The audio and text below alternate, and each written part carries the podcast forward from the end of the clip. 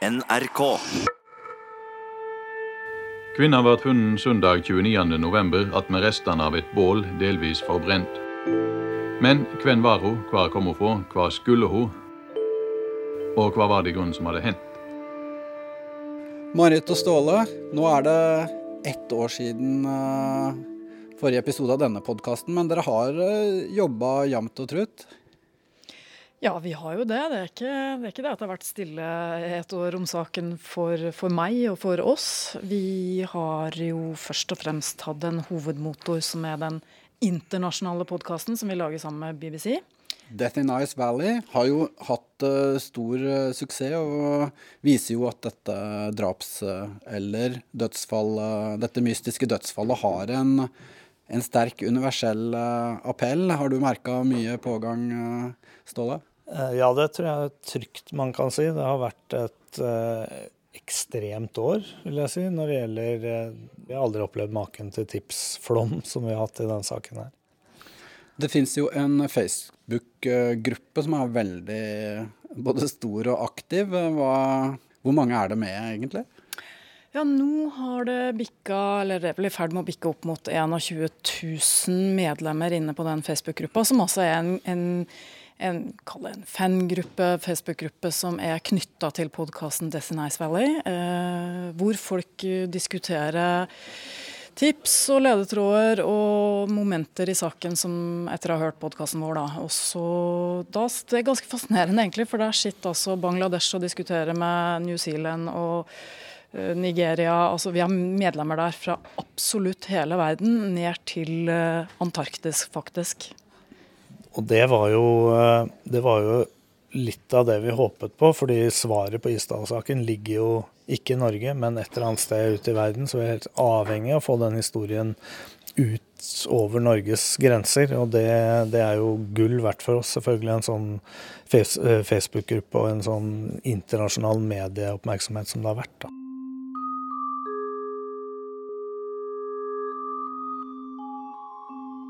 En av de som uh, har fått interesse for uh, Isdalssaken, det er uh, en mann med metalldetektor som heter Arne Magnus Vabø. Hva, hva, vet dere om han? Hvordan dukka han opp? han har også, viser det seg, lett med metalldetektor inne i Isdalen. I to år har han gått. Saumfart, stedet rundt, rundt der hvor kvinnen ble funnet da. Eh, møysommelig meter for meter. Og, og, så ringer han oss, for da har han fått kjempeutslag på detektoren sin. Men under her ligger funnplassen.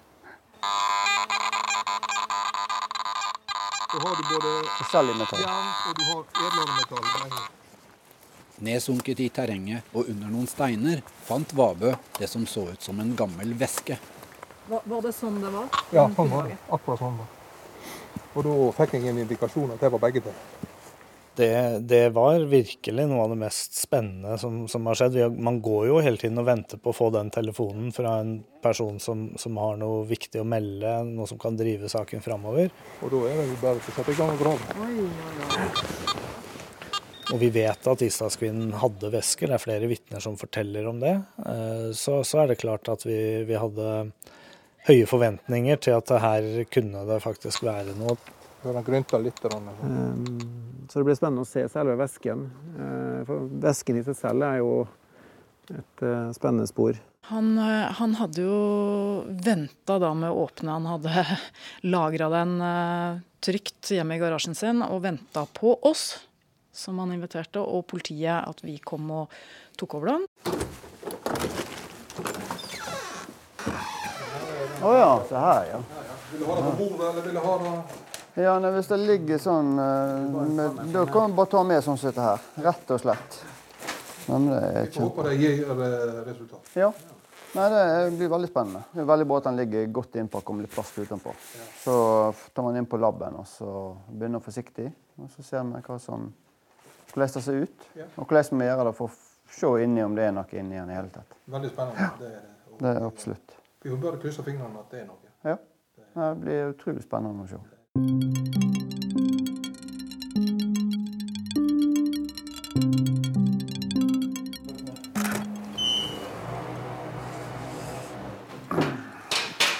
Jeg tenker at vi kan bare åpne her ja, på papiret, og så legger jeg altså. frem et nytt papir når du har åpnet. Kan vi ha, kan vi ha emballasjen på dette papiret? Ja. Den har i hvert fall lagt lenge eh, i eh, jorden. Helt åpenbart. Ja. Er mye røtter som er, går inn i eh, du ser jo ganske liksom sprengt ut til sømmen. Ja, på, Du ser det her Ser- er små røtter langt inni. Du så ser det på hempene her, så er det jo rustet av. Ja. ja det er en indikasjon på at den har ligget rimelig lenge. Et eller annet her um... Der er den. Det ligger jo noe under der. Se, se. Å, shit, og Nå må vi klare å legge det ene ruter. Rute. Med sånn stoff. Rødlige Noe stoff, og så er det da sånn skinnbesetning rundt eh, kantene. Kanskje lokk Nei, lokk òg har vært i stoff. Lokk òg har vært rutete stoff. Men, du ser, men du ser her, sant? Altså, den er full. Hele, hele sekken er full med, med jord. Ikke noe tvil om det. Ehm, Det var jo, Veska viste seg jo å være, om ikke tom, så i hvert fall var det ingen gjenstander der. Vi hadde kanskje håpet på, naive som vi var, at det skulle være noen dokumenter eller papirer, den type ting. Det i så fall, det kan det godt ha vært, men i så fall så har det for lengst blitt til jord. Altså det, det er en sekk eh, i tekstil hovedsakelig, og så har den eh, lærremmer.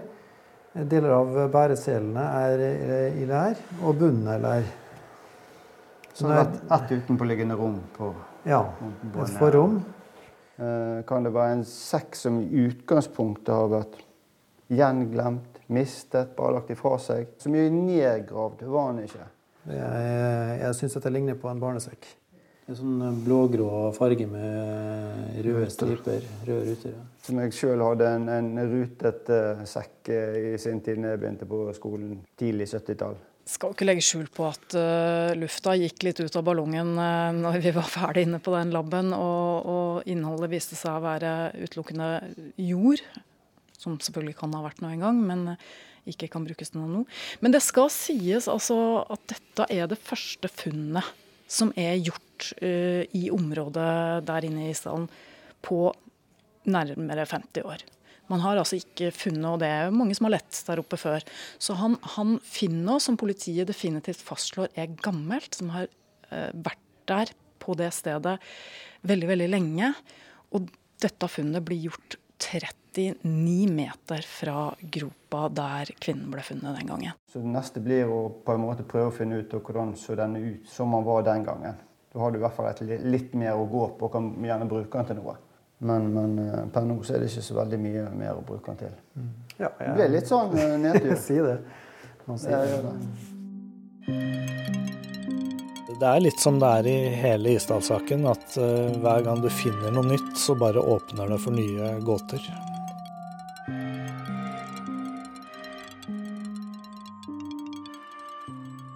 Det er mange små brikker. Kanskje den passer inn i et senere puslespill. Eh, Det er mange som har eh, fått tenning på denne saken, og en av dem eh, heter Thomas eh, Hayes. Han er for mange kjent som eh, skuespilleren som spilte William i Skam. Ja, jeg har en klar teori om at eh, hun tok sitt eget liv. Fordi i hvert fall i dokumentene så står det at hun hadde masse forskjellige eh, piller inni magen. Han og kameratene har Hvordan har de interessert seg for dette?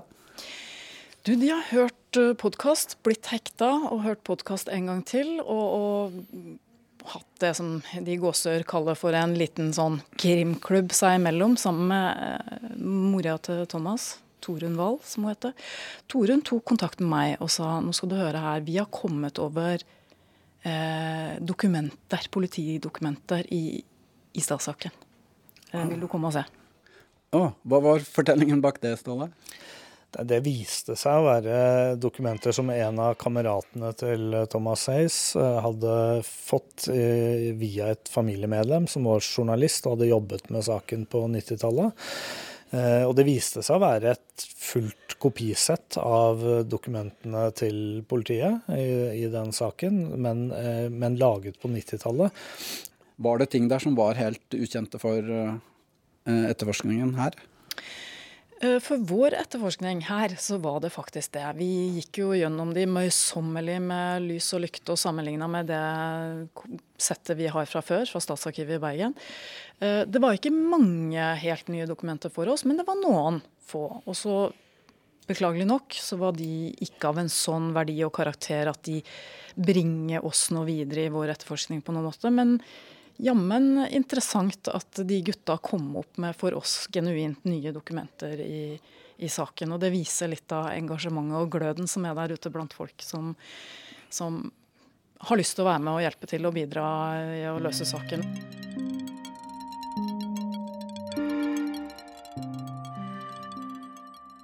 Så jeg tror at hun faket sin egen død etter at hun som uh, var en spion, som jeg tror ut fra at hun har åtte forskjellige pass eh, og var lei.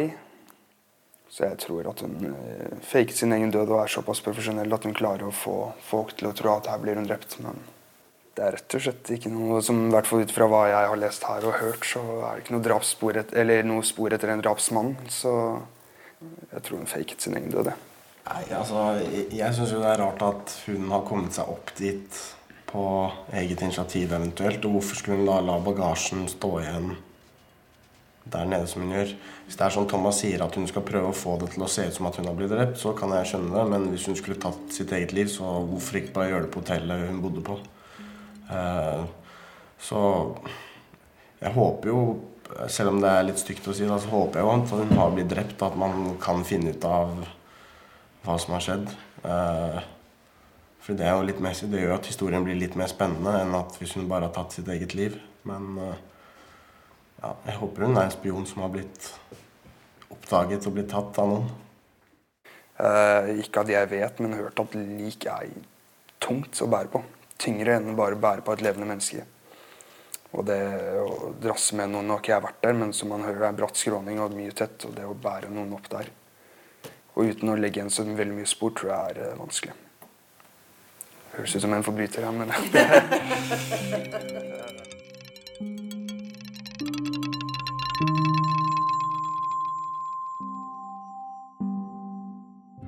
Jeg har egentlig ikke lyst til at den skal bli løst. Jeg har lyst til å ha mysteriet. Jeg syns mysteriet er spennende i seg sjøl.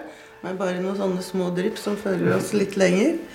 Så vi får lov til å holde på med mysteriet litt til.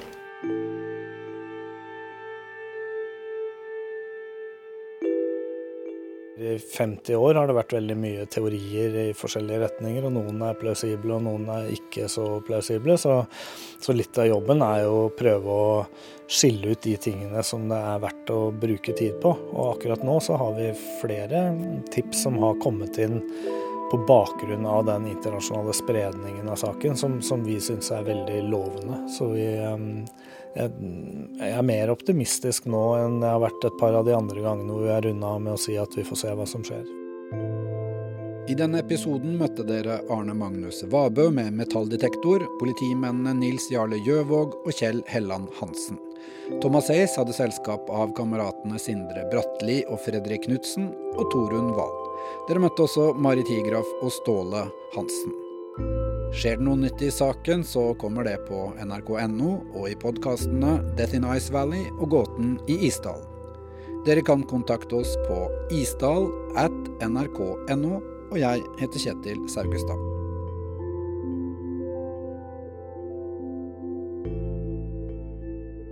NRK.